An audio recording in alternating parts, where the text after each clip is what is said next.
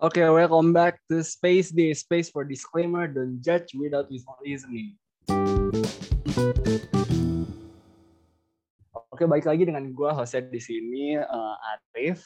Ya mungkin ini kita formasi baru ya, karena kita uh, masih hitungannya angkatan baru di Departemen HPSD FKUPN PJ ini sendiri. Nah, di sini gue nggak di sendirian sih, gue ditemenin sama dua teman gue. Jadi hari ini kita formasinya ala-ala Paramore gitu. Jadi cewek satu, cowoknya dua. Nah, yang pertama nih, kita nih ada Bim Bim atau nama aslinya tuh Sabina. Bim, boleh say hi dulu dong. Halo, listeners. Uh, perkenalkan, gue Sabina. Salam kenal semuanya. Oke, oke, thank you Sabina atau Bim Bim. Terus selanjutnya ada temen cowok gue juga nih yang nemen, bakal nemenin Bim di sini buat ngomongin isu-isu terkini yang lagi ger banget di kalangan masyarakat. Ada Reza. Ja, boleh sehat dulu dong, Ja? Halo semuanya, kenalin nama gue Reza. Iya, lagi di mana, Ja? Lagi di rumah? Iya, lagi di rumah nih. Aduh, oke deh. Berhubung kita lagi PPKM juga, sebenarnya PPKM udah mulai turun sih, udah mulai ke level 3 dan beberapa daerah juga udah mulai ada yang level 2. Dan berhubung kita mahasiswa FK juga, jadi kita melakukan recording ini secara online melalui uh, platform, uh, salah satu platform lah. Nah, mungkin bisa kita lanjutin nih. Jadi mungkin Bim sama Reja juga udah tahu lah ya. Akhir-akhir ini ada salah satu artis mantan artis mungkin bisa dibilang. Iya pokoknya adalah salah satu inisialnya SJ ya udah tau lah ya langsung itu mantan pendangdut mantan istri eh mantan suami pendangdut juga. Nah si doi ini dulu beberapa tahun yang lalu itu sempat ada kasus dan dipenjarakan terkait dengan kekerasan seksual. Nah dan baru-baru ini si doi ini kalau bebas dari penjara. Tapi pas keluar itu dia diarak boy pakai Ferrari. Maksud gue kayak nih orang bukan abis uh, dapetin prestasi di Olimpiade. Terus bukan abis apa bukan abis ketemu kepala negara atau apa itu tapi dia ke penjara diarak pakai Ferrari terus TV-TV itu pada ngeliput. Terus akan-akan kayak mengglorifikasi ini orang gitu tanpa mengingat apa yang dulu dia pernah perbuat gitu beberapa tahun lalu. Nah bahkan dari kabar-kabar yang gue dapet dari media mainstream di Indonesia ini, gue sempat baca kalau si doi ini walaupun emang udah di band sekarang dari untuk tampil di TV, tapi dia ditawarin kerjaan di lembaga pemerintahan. Salah satu lembaga pemerintahan gue kurang tahu siapa karena gue ngelihat headline-nya gue udah males gue bacanya gitu. Nah, mungkin gue pertama mau nanya dulu ke si Reja nih. Ja, kan kita di sini uh, berposisi sebagai laki-laki ya. Kita ngasih pandangan menurut seorang laki-laki aja. Nah, menurut lu, lu kalau misalkan sebagai seorang laki-laki lu habis melakukan kesalahan, gak usah kesalahan sebesar itu lah. Terus lu apa ya istilahnya terlihat bangga gitu di depan orang-orang tanpa ingat kesalahan itu tanpa sama sekali apa ya istilahnya uh, menyesali perbuatan lu dulu itu menurut lu sesuatu yang wajar sebagai seorang laki-laki atau enggak sih coba kalau menurut lu gimana kalau ya kita ngomongin dari uh, sudut pandang laki-laki ya. Kalau buat gue sendiri gue kalau misalnya punya kayak satu masalah atau satu perbuatan yang kurang baik, jujur gue punya rasa malu di situ. Gue apa ya? Mungkin kalau dengan kasus kita lihat dari kasus yang kemarin kayak di glorifikasi dan lain-lain, gue justru malu banget sih kayak uh, kenapa gitu kenapa harus harus di glorifikasi? Sedangkan gua nih seseorang yang bersalah.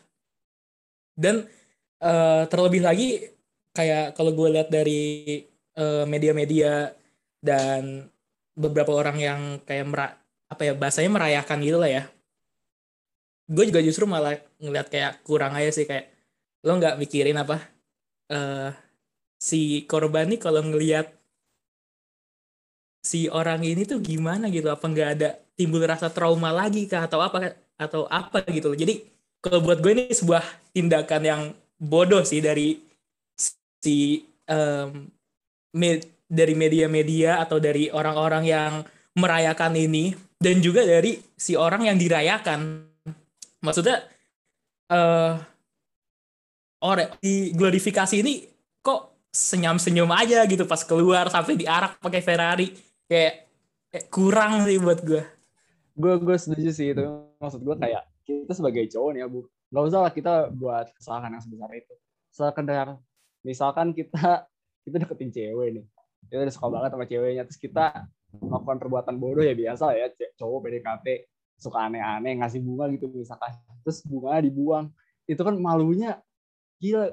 Kalau misalnya kita ngakuin itu di sekolah kita bisa nggak masuk sekolah tiga sampai tiga hari sampai seminggu kali maksud gue iya. kayak kesalahan terkecil itu aja buat harusnya ya kalau untuk cowok pada umumnya sih harusnya sih bisa iya. ngerasa malu apalagi sih Harus, itu gitu. harusnya punya malu gitu kalau dari nah, gue iya, sih nah ya mungkin sekarang gue mau nanya nih ke Bim Bim Bim jadi gue tuh pernah nonton drakor judulnya Mouse jadi salah satu pemeran utama ceweknya namanya Obongi nih si Obongi ini dulu juga jadi uh, bisa dibilang korban pelecehan seksual juga. Nah, si pelakunya ini sebenarnya udah ditangkap dan tiba-tiba setelah beberapa tahun kemudian didewasin. Perilakunya uh, nggak apa ya, nggak sama sih kayak kayak yang dilakuin sama si si SJ tadi dan tidak diglorifikasi juga sama media. Tapi si Obonginya ini tuh tetap aja kayak nggak eh, nggak uh, merasa aman gitu. Tetap ketakutan sampai di titik kalau di drakor itu si penjahatnya ini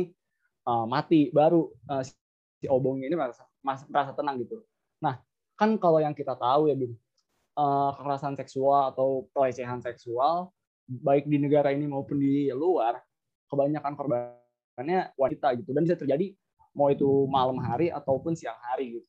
Nah posisi lu nih Bim kalau amit-amit ya atau uh, baik uh, lu sebagai korban ataupun lu kenal dengan korban gitu terus ngelihat pelaku yang memperlakukan lu seperti itu um, merasa eh dibebaskan dan merasa tidak bersalah sama sekali dan diglorifikasi oleh media-media mainstream yang bisa dilihat semua orang perasaan lu kira-kira bakal gimana? Oke, okay. uh, kalau mungkin gue bisa sharing sesuatu ya mungkin sebenarnya nggak mesti gue sharing tapi kayak uh, gue kenal salah satu temen gue yang mungkin bisa dibilang korban. Uh, dan gimana gue ngeliat dia ini uh, kayak mentally tuh gak sehat banget gitu. Kayak cara pikirnya dia nih itu udah aneh banget gitu kalau menurut gue dan kayak gini ya uh, kayak gue bingung kenapa uh, ada seorang pelaku yang kayak apa ya kayak gue nggak ngerti deh. Gue nggak bisa relate pemikirannya pelaku tuh apa gitu dan sebenarnya gue mau komen ke ini sih tadi sebenarnya pemaparan lo yang pertama, Rip. Kayak tentang uh, gue mau uh, ngomongin lagi tentang itu yang uh, kenapa pelaku pelecehan seksual tuh dikasih selebrasi gitu ya. Kayak seakan-akan uh, dia ini baru keluar dari eh maksudnya seakan-akan dia menang olimpiade gitu atau kayak seakan-akan dia dapat emas gitu atau gue nggak tahu mungkin dia emang dapat emas di penjara eh kita nggak tahu kan kayak uh, kayak gue tuh heran aja gitu. Sebenarnya gini deh, uh, kita lihat dari rekan-rekannya si uh, oknum yang tadi lo omongin ya, Rip, yang baru keluar dari penjara. Kayak teman-temannya itu nge-support si pelaku gitu. Kayak gue sendiri sebagai gue yang punya teman yang sebagai korban, kalau teman misalkan ada teman gue yang lain melakukan pelecehan, sorry tuh saya gue nggak akan bisa maafin dia gitu. Karena kayak apa ya selak, sekali lu menjadi seorang pelaku kekerasan seksual mau setobat-tobat apa pun lu lu akan terus diingat sebagai penjahat gitu di mata korbannya. Itu kayak ya gitu sih Rip. pasti kalau misalkan gue sebagai korban ya amit-amit ya jangan sampai gue nggak pernah sih alhamdulillah. Kalau gue nggak gue jujur gue akan uh, ngerasain kayak loss banget sih. Gue nggak tahu harus minta bantuan ke siapa mungkin gue akan kayak gitu Oke, ya itu make sense banget sih. Sebenarnya tanpa ditanyain ke lu sebagai seorang wanita juga harusnya bagi laki-laki nih yang kebanyakan uh, jadi pelaku harusnya bisa mikir gitu juga sih. Tapi Bim, berhubung tadi lu sempat singgung lu kenal ataupun mungkin yang jadi korban itu salah satu teman lu, uh, apakah ada perubahan stigma terhadap dia gitu Bim setelah uh, dia menjadi korban? Baik dari uh, lingkungan sekolahnya, lingkungan rumahnya, ataupun orang sekitar nggak usah kayak memperlakukan dia deh sekedar ngeliat dia aja apakah ada perbedaan gitu Iya, uh, sebenarnya ya nggak sampai sesekolah juga tahu ya gitu. Cuma bahkan kadang aja nih karena kayak kita growing up di di mana media kita nih kayak tabu banget ngurusin tentang uh, kayak kekerasan seksual gitu. Jadi bahkan ketika gue pertama kali tahu, gue sebagai temennya dia sendiri pun kayak mandang dia nih jadi beda gitu. Cara pandang gue kayak gue jadi justru takut gitu sama dia awalnya gitu. Uh, tapi karena semakin lama ya gue ngerasa ya kita bisa uh, lebih teredukasi lah gitu jadi gue jadi lebih kayak open aja gitu sama dia gitu sih waduh gue kalau gue sendiri belum pernah sih maksudnya berhubungan sama orang yang jadi pelaku atau dekat dengan eh sorry berhubungan dengan orang yang jadi korban ataupun dekat dengan korban kalau misalnya lu sendiri gimana aja pernah ada nggak pernah ada hubungan gitu nggak baik teman lu atau orang tinggal dekat rumah lu gitu yang jadi korban ataupun dekat sama korban gitu aja? Kalau dari gue sih aman-aman aja sih lingkungan gue belum pernah sih gue denger kayak gitu. Alhamdulillah ya. Iya kan? Cuman Alhamdulillahnya. Cuman kayak walaupun lingkungan kita aman juga tidak menutup kemungkinan mungkin di masa depan juga bakal ada kejadian kayak gitu sih ya. Walaupun amit-amit sih. Nah, itu mungkin tadi karena kita sempat membahas glorifikasi-glorifikasi yang dilakukan oleh media mainstream di negara ini, yang di mana harusnya media mainstream tersebut atau yang kita sebut biasa sebagai TV itu kan ada lembaga yang biasanya bekerja uh, sebagai apa ya filternya gitu. Terkait tayangan-tayangan ada TV-nya ini. Ya tanpa disebut nama lembaga juga kalian pasti tahu.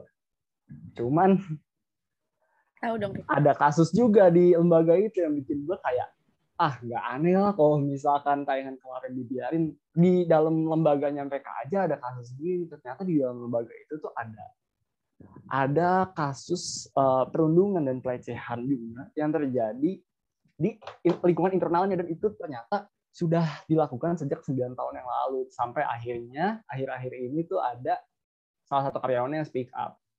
Nah, gue sebagai maksudnya kita bertiga walaupun termasuk Gen Z kita sempat lah ngerasain kayak hari Minggu bangun pagi nonton kartun Indosiar gitu atau RCTI Doraemon apa kayak gitu. Sampai yang dari awal-awalnya kayak nyantai aja tontonan kita sampai di tahap kayak si, uh, ada scene-nya Doraemon Shizuka cuman pakai cuman pakai baju renang aja di sensor. Menurut gue itu kayak anjir itu berlebihan gitu kayak bukan sesuatu yang harus disensor juga. Nggak akan merangsang apa-apa juga gitu cuman kayak ya udah lah itu salah satu alasan gue nggak nonton TV sih sebenarnya. Cuman pas udah lihat kasus ini ah gue makin ah pantesan tayangan TV di Indonesia kayak gini gitu ya nah, mungkin gue mau nanya dulu nih ke Ja ke si Reja Ja lu masih nonton TV aja jujur udah enggak sih sama sekali enggak sama sekali enggak terakhir tontonan yang lu inget lu tonton apa deh yang lu nonton terus ya Hmm, kartun. Itu doang kartun udah. apa tuh? Tapi udah lu lu masih lu terakhir nonton kartun itu yang udah mulai disensor-sensor atau masih nyantai-nyantai aja?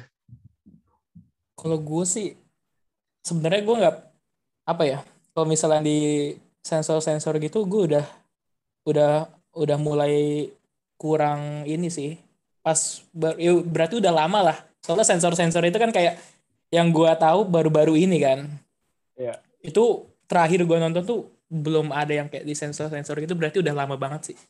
Iya, iya, itu berarti udah cukup lama sih. Nah, menurut lu nih, ya, dengan lu tahu kasus yang terjadi ini. Dan rame banget ini kayak bahkan uh, si ketuanya ini udah sempat diundang ke salah oleh salah satu podcaster ternama di Indonesia. Dan istilahnya memberikan pembelaan tapi setelah gua tonton kayak ah bullshit lah gitu.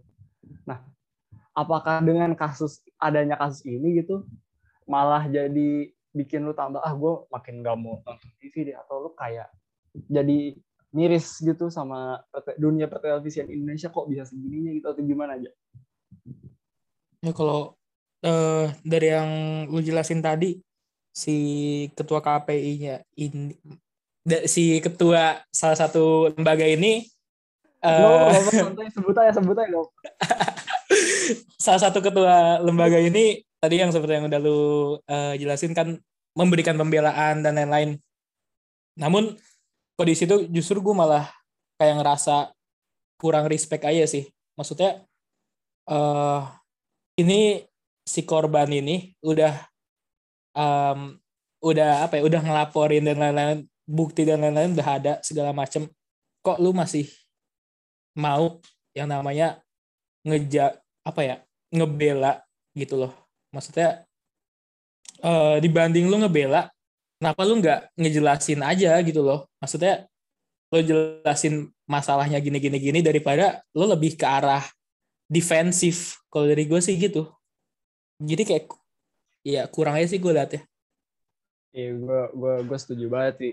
Sebenarnya setelah gue baca pertama kali kasus itu, gue sebenarnya bahkan uh, apa ya keinginan untuk melanjutkan baca mengenai kasus itu aja nggak ada gitu. Soalnya gue udah kayak baru kecewa aja bu baca headline berita kayak uh, uh, terjadi kasus pelecehan sosial di lingkungan internal bla terus gue jadi kayak kepikiran gitu kayak oh kayaknya gue nggak nonton mulai mengurangi nonton TV khususnya TV channel-channel Indo. Beberapa waktu ini udah ada firasat juga kali ya. Kalau ternyata emang lembaga sensornya aja nggak bener gitu. Bahkan nggak usah buat milih konten yang bagus deh sekedar penggunaan sensornya aja. Nggak kadang ditempatkan di waktu ataupun tempat yang nggak seharusnya juga gitu. ngapain? Nggak usah jauh-jauh ke tayangan edukasi lah. Ya tadi aja sekedar yang Shizuka di center ngapain sih? Eh, ah kayak nggak perlu gitu. Oh, anak kecil nontonnya tuh ya udah sih. Nah, kalau bim bim bim lu tadi nonton TV khususnya channel Indonesia terakhir kapan? Seinget ya dan nonton apa gitu yang emang lu nonton terus? Jujur gue nggak tahu gue nggak inget kapan gue nonton TV men. Gue udah nggak bisa terhibur lagi. Gue udah lost respect sih udah lama gitu sama TV pertivian di Indonesia sih. Oh gue kira tontonan terakhir lu ganteng-ganteng serigala gitu enggak Eh, gue nonton. Kalau itu gue dulu nonton. Jujur oh, aja. masih nonton itu. Oh, lu masih nonton itu? Masih. Iya, yeah, iya. Oke. Okay. Itu masih, ya udah agak, eh, tapi ya oke okay lah. Nah, menurut lu, Bim, dengan kasus yang ada terjadi, yang terjadi itu di, di lingkungan internal lembaga tersebut, stigma apa yang muncul di kepala lu ketika lu dengar nama lembaga tersebut atau dengar kata-kata mengenai pertelevisian Indonesia gimana Bim? Apa ya? Gue sih jujur ya kalau stigma sebenarnya apa ya? Gue jujur gue nggak bisa memberikan stigma sih. Gue cuma kayak apa ya?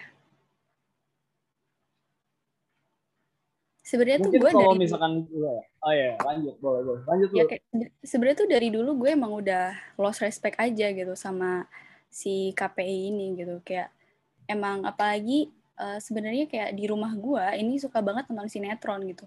Dan gue nggak ikutan nonton ya tapi gue melihat gitu sinetron itu. Kayak kok sinetronnya kayak gini? gitu loh. Kayak kenapa giliran yang tadi lo bilang Rip yang Shizuka itu kok malah disensor? Tapi kayak kok di sinetron-sinetron yang kayak uh, pemainnya nih anak kecil gitu ya masih ya di bawah umur lah. Gitu. Habis itu kayak dipasangkan dengan orang yang uh, yang sudah tua gitu. Dan mereka kayak uh, melakukan hubungan kayak in, lumayan intim gitu. Dan itu kan termasuk pelecehan ya. Tapi kayak uh, justru uh, KPI ini malah nggak bertindak apa-apa gitu sama sinetron ini gitu. Kayak menurut gue apa ya nggak bertanggung jawab aja sih KPI kalau misalkan ditanya stigmanya ya itu nggak bertanggung jawab. Ya mungkin itu sih yang kepikiran di gue. Iya gue dan, gue gue iya gue setuju ya, dan gue ya boleh lanjut ya gue agak ini sih apakah ada orang dalam gitu ya? Kenapa gini yang ngurusin sinetron? Maksudnya orang dalam kayak di sinetron ini loh kayak kayak KPI ini dikasih apa gitu biar sinetron ini bisa tayang. Kalau kita ngomongin orang dalam ya Bim, maksudnya kayak KKN di negara tercinta kita ini udah bukan sesuatu yang asing lah. Bahkan untuk kasus yang tadi itu bukan yang pelecehan seksual yang tadi lu sempat singgung mengenai yang salah satu adegan sinetron ada salah satu anak di bawah umur dipasangkan dengan orang dewasa. Ini bahkan si anak ini aja masih kurang dua tahun buat bikin KTP terus tapi udah dipasangkan dengan orang let's say berapa belas tahun 20 tahun lebih tua dari dia dan melakukan scene yang seharusnya anak seumur dia tuh ya oke tahu tapi bukan untuk dilakukan oleh anak seumur dia kayak bener gua banget apalagi iya. ditayangin di TV gitu kan. Itu kan kayak enggak iya banget. iya. Iya, iya. terus ini gue mungkin uh, gue gue bakal lempar lagi ke Reza dari tadi yang gue sempat bahas sama Bim Bim ya itu kan kayak semuanya itu bakal ketahuan ketika ada seseorang yang speak up gitu kan. Tapi yang kita tahu ya baik itu mengenai kekerasan seksual pelecehan seksual ataupun hal-hal uh, terkait dengan eh apa ya pelecehan kekerasan lah. Ketika korban speak up aja kadang masih suka nggak di respect gitu nggak dihargai. Atau bahkan justru pada beberapa kasus dilawan balik. Nah kalau dari lu sendiri ja eh, kalau misalkan gue tempatkan lu sebagai korban apakah lu akan seberani itu untuk speak up atau ada pikiran-pikiran yang kayak mengganggu lu dan menahan lu untuk speak up gitu soalnya kayak ini untuk kasus yang lembaga tadinya ini udah berlangsung 9 tahun coy. Itu 9 tahun tuh udah SMP kelas 3 anjir. Maksud gue kayak apa gitu yang bisa menahan sampai selama itu sampai akhirnya ada seseorang yang ngomong ah fuck itulah gue bakal speak up menurut lo apa aja dan kalau lu sendiri ada di posisi itu lu bakal gimana Nih kalau gue sendiri ya, eh here kalau misalnya yang hal-hal yang mungkin menahan korban buat speak up itu banyak loh, apalagi di lembaga seperti ini. Maksudnya kayak eh, kita nggak tahu apakah korban ini diancam atau korban ini di eh ya seperti diancam tah. Kalau misalnya lo ngomong lo gini, lo ngomong lo gini, kita kan nggak ada yang tahu juga. Atau juga emang korban merasa hal yang telah terjadi ke diri dia itu termasuk em, gimana ya ngomongnya aib gitu loh.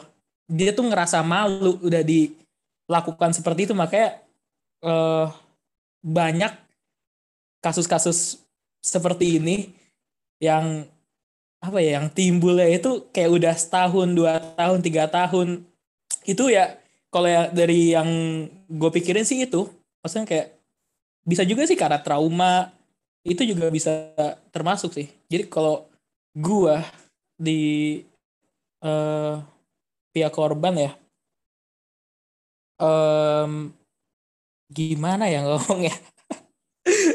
Nggak, tapi tapi tapi Aduh. tapi tapi gue nangkep sih poin lu jangan Iya iya. tapi kalau menurut gua tapi kalau buat gua pribadi mungkin hal-hal tersebut bisa bertahan lama sampai bertahun-tahun gitu. Bahkan ini hampir satu dekade bisa bertahan tuh karena kebanyakan orang masih menganggap kekerasan seksual atau pelecehan seksual tuh hanya eh, perilaku eh perilaku perilaku yang sangat-sangat eksplisit yang emang istilahnya kayak menunjukkan alat kelamin atau eh, memaksa melakukan hubungan intim dan lain-lainnya. Padahal eh, kalau kita perdalam lagi apa itu eh, mengenai kekerasan seksual ataupun pelecehan seksual sebenarnya bahkan sekedar catcalling aja itu udah masuk ke pelecehan seksual. Kayak yang tadi si Bim Bim bilang eh, memposisikan seorang anak di bawah umur eh, apa melakukan adegan walaupun emang itu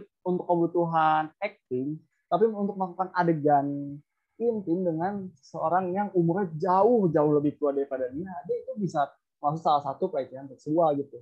Nah tapi mungkin ini kayaknya kode negara kita ya pembiaran ini tuh bisa jadi salah satu apa ya salah satu akibatnya dari adanya eh, keberlanjutan dari pembahasan RUU PKS atau yang saat ini tuh diganti nama lagi di RUU PPKS yang di mana ketika perubahan nama itu terjadi ada sekitar berapa? 4 48 40 something pasal yang dihapus gitu ya. Istilahnya tuh membuat atau bisa mempermudah bagi para pelaku ataupun calon pelaku kekerasan ataupun ke, eh, pelecehan seksual ini. Jadi lebih apa lebih bebas gitu. Kayak bener-bener nggak ada yang nahan. Nah menurut lu Bim lu tinggal di lingkungan yang apa ya istilahnya mungkin bisa dibilang tidak menganggap serius uh, terkait dengan hal-hal yang berbau pelecehan seksual ataupun kekerasan seksual. Nah, oh. lu nih sebagai sebagai perempuan apa yang lu rasa gitu tinggal di lingkungan seperti itu kita ngomonginnya uh, secara secara luas ya di negara ini bukan di lingkungan tempat tinggal lu gitu. kalau menurut lu gimana nah, lu yang lu rasain apa gitu Oke, okay, kalau uh, uh, gue sebagai perempuan ya, yang uh, mostly sebagai korban, kayak gue sih ngerasa uh, ketidakamanan sih pastinya. Dan kalau misalkan ya, uh, misalkan gue jadi korban amit-amit, kayak gue uh, akan pasti gue akan menuntut si pelaku gitu.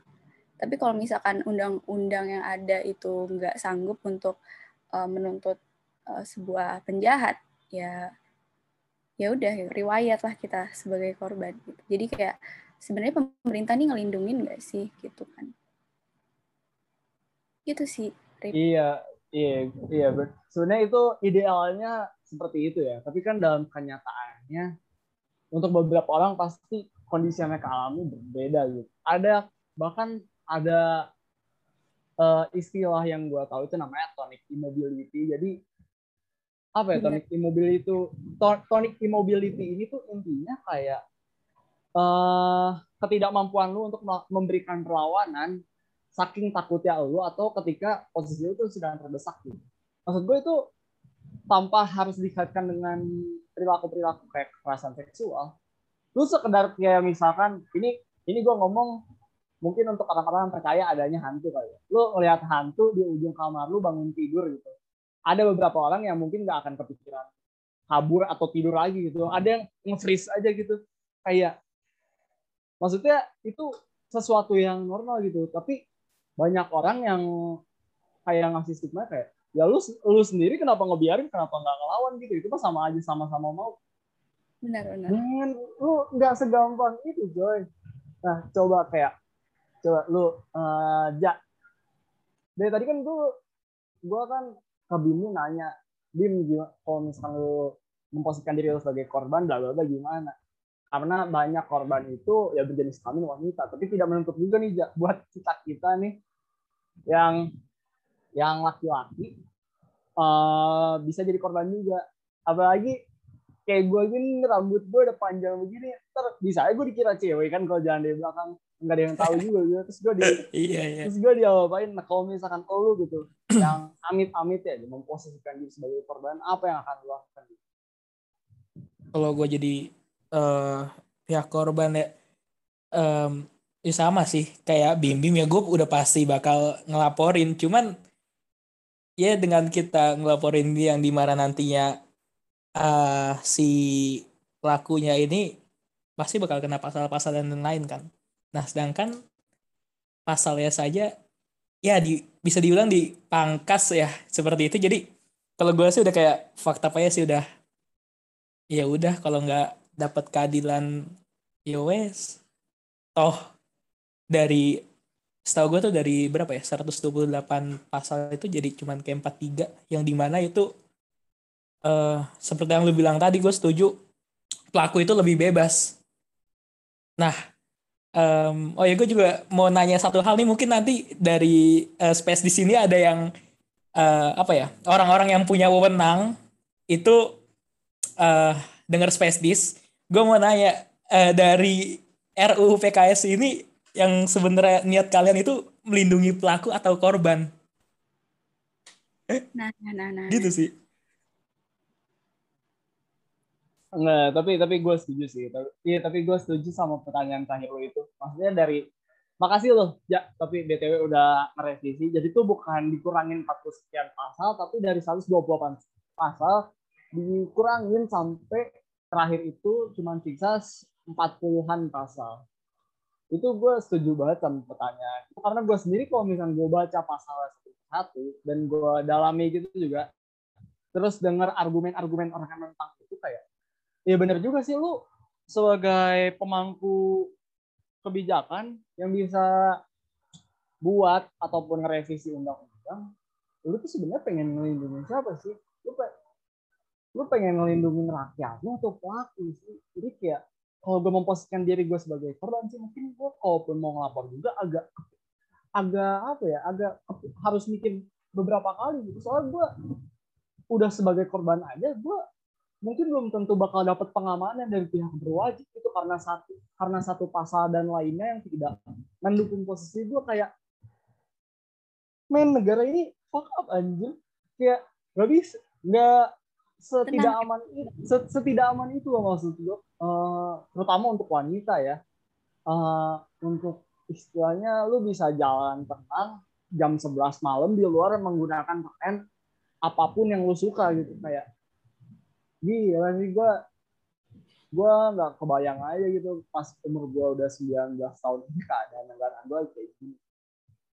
Nah mungkin Bim uh, ja sebelum kita tutup nih kalau dari Bim, Bim sendiri kalau buat lo lu bakal ngapain sih uh, melakukan hal-hal apa yang bisa mengurangi kemungkinan-kemungkinan agar lu tuh menjadi uh, agar lu tuh tidak menjadi korban gitu. Atau kayak eh iya mungkin uh, mungkin itu pertanyaan satu dan harapan lu ke depannya terkait dengan kasus-kasus ini tuh apa gitu? Baik secara penanganan ataupun korban-korban yang ada di luar sana harapan lu gimana bu? Oke okay, uh, sebenarnya tadi pertanyaan yang pertama itu kayak sebenarnya gue sebagai perempuan juga kita tuh nggak pernah bisa menghindari gitu loh. Kayak kita nggak bisa nggak avoid seseorang untuk melakukan pelecehan ke kita gitu. Itu bisa terjadi kapan aja gitu sih. Dan uh, mungkin dari uh, kitanya sendiri sih harusnya yang uh, sadar gitu.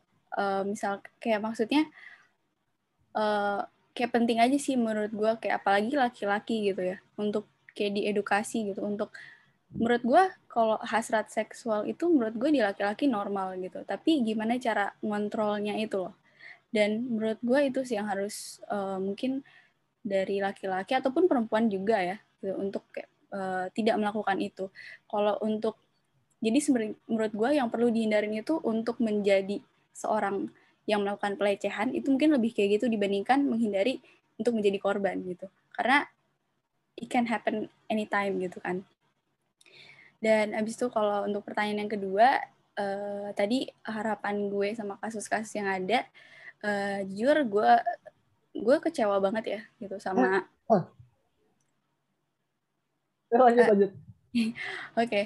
uh, gue jujur gue kecewa banget sama segala-galanya ya, kayak dari dari media ataupun bahkan dari lembaga yang lu sebutin tadi, Rip, itu jujur gue sangat-sangat kecewa dan mereka nggak bertanggung jawab. Jadi kalau harapan gue uh, mungkin Nah, kalau misalkan di antara mereka orang-orang yang kita tuju mendengar podcast kita hari ini, uh, tolonglah jadi lebih bertanggung jawab sama apa yang terjadi di internal kalian dan janganlah kalian uh, bersembunyi lah gitu.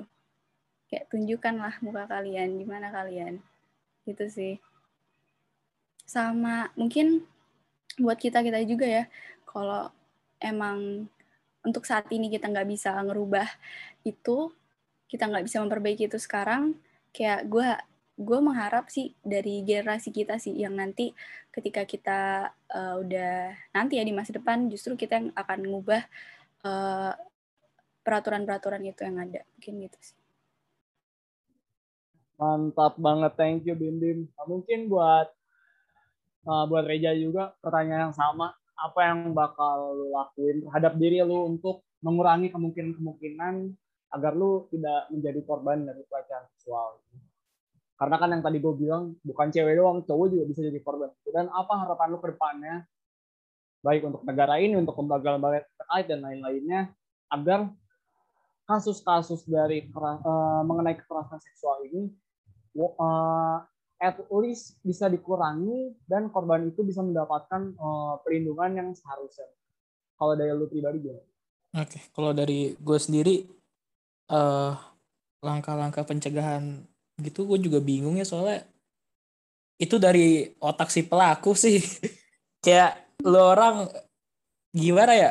Ya gue contohin deh kalau cewek deh lu orang mau pakai baju terbuka tertutup pun bisa kena-kena juga gitu loh emang otak si pelaku ya aja. Jadi kalau dari pencegahan justru jujur gue nggak nggak tahu sih mau ngapain lagi gitu loh. Emang dan kalau misal ya? iya emang emang nggak ada gitu. Terus kalau harapan gue ke depannya dengan pemirsa dari lembaga-lembaga terkait ini mungkin gue lebih eh juruskan ke lembaga yang terkait dengan RUU PKS ini ya. Semoga eh, kalian bisa sadar amin terus yang kedua harapannya untuk para calon pelaku kekerasan seksual eh semoga kalian juga sebelum melakukannya sadar ya karena takut men. Ini urusannya sama yang di atas. Jadi tolong mikir gitu. Ya, ya. Tapi walaupun dia sadar, nanti tuh kalau misalkan eh, ditanya kenapa ngelakuin ini, pasti jawabannya eh gue mabuk atau gimana gitu. Kayak cari aja alasannya. Iya emang banyak alasan yang kayak gitu tuh jadi ya tolonglah gitu. sadar buat kalian-kalian di luar sana gitu sih paling kalau harapan gue Oke, thank you Ja, thank you Bim. Mungkin dari gua terakhir untuk menyimpulkan dari bahasan kita pada malam hari ini, ya negara kita emang bisa dibilang lagi berkembang lah dalam hal industri, infrastruktur dan lain-lainnya. Tapi dalam hal keselamatan rakyatnya aja tidak diberikan pengamanan yang seharusnya gitu. Padahal rakyat itu sendiri kan merupakan salah satu pilar terbentuk suatu negara gitu. Mungkin kalau dari gue pribadi, eh, apa ya, untuk lembaga-lembaga terkait pihak-pihak yang berwenang gitu, saya di sini mengatasnamakan diri saya sendiri ya, minta tolong lah, eh, tolong untuk pelaku-pelaku itu tolong ditindak lanjutinya tuh lebih tegas dan lebih cepat gitu kayak lu nggak harus nunggu adanya bukti dulu lah gitu. Pokoknya kalau emang ada udah udah ada yang berani speak up aja itu udah suatu kemajuan gitu terus lu kayak menunda-nunda pembahasannya, menunda-nunda apa pengurusan si pelakunya ini dengan nunggu-nunggu biar ada bukti dulu apa segala macam ya.